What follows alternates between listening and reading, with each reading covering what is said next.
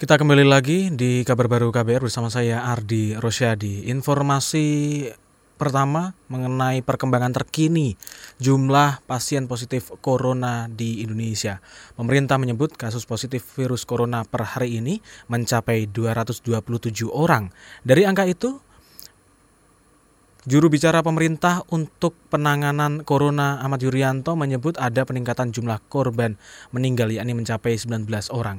Juru bicara pemerintah Ahmad Yuryanto merinci kasus-kasus positif Corona terbaru itu berasal dari Banten, DIY, DKI Jakarta, Jawa Barat, Jawa Tengah, Sumatera Utara, Lampung, Riau, dan Kalimantan Timur.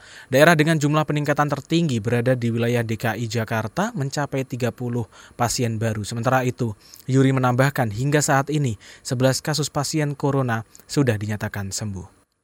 Informasi selanjutnya, pemerintah menunda jadwal seleksi kompetensi bidang atau SKB calon pegawai negeri sipil CPNS tahun anggaran 2019.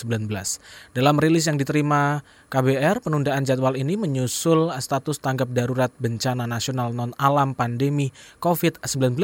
Penundaan ini meliputi pelaksanaan SKB dengan komputer asis tes atau CAD dan juga SKB yang diselenggarakan oleh masing-masing instansi. Meski ada penundaan, jadwal SKB pengumuman hasil seleksi kompetensi dasar SKD tetap dilaksanakan sesuai jadwal melalui portal resmi penerimaan CPNS tahun 2019. Masing-masing instansi pada 22 hingga 23 Maret 2020. SKB CPNS yang awalnya direncanakan pada 25 Maret 2020 diundur hingga waktu yang tidak ditentukan. Sementara itu, informasi dari Jakarta, perusahaan penyedia beras PT Food Station Cipinang Jaya memastikan ketersediaan ketersediaan beras di Pasar Induk Beras Cipinang PIBC Jakarta Timur aman.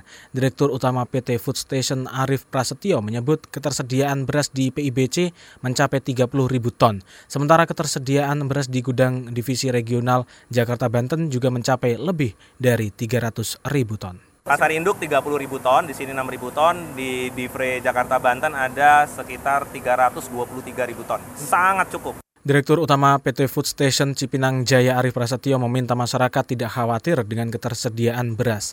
Ia pun mengimbau masyarakat tidak membeli beras dalam jumlah berlebih akibat virus corona. Demikian tadi kabar baru dari KBR, saya Ardi Rusyadi.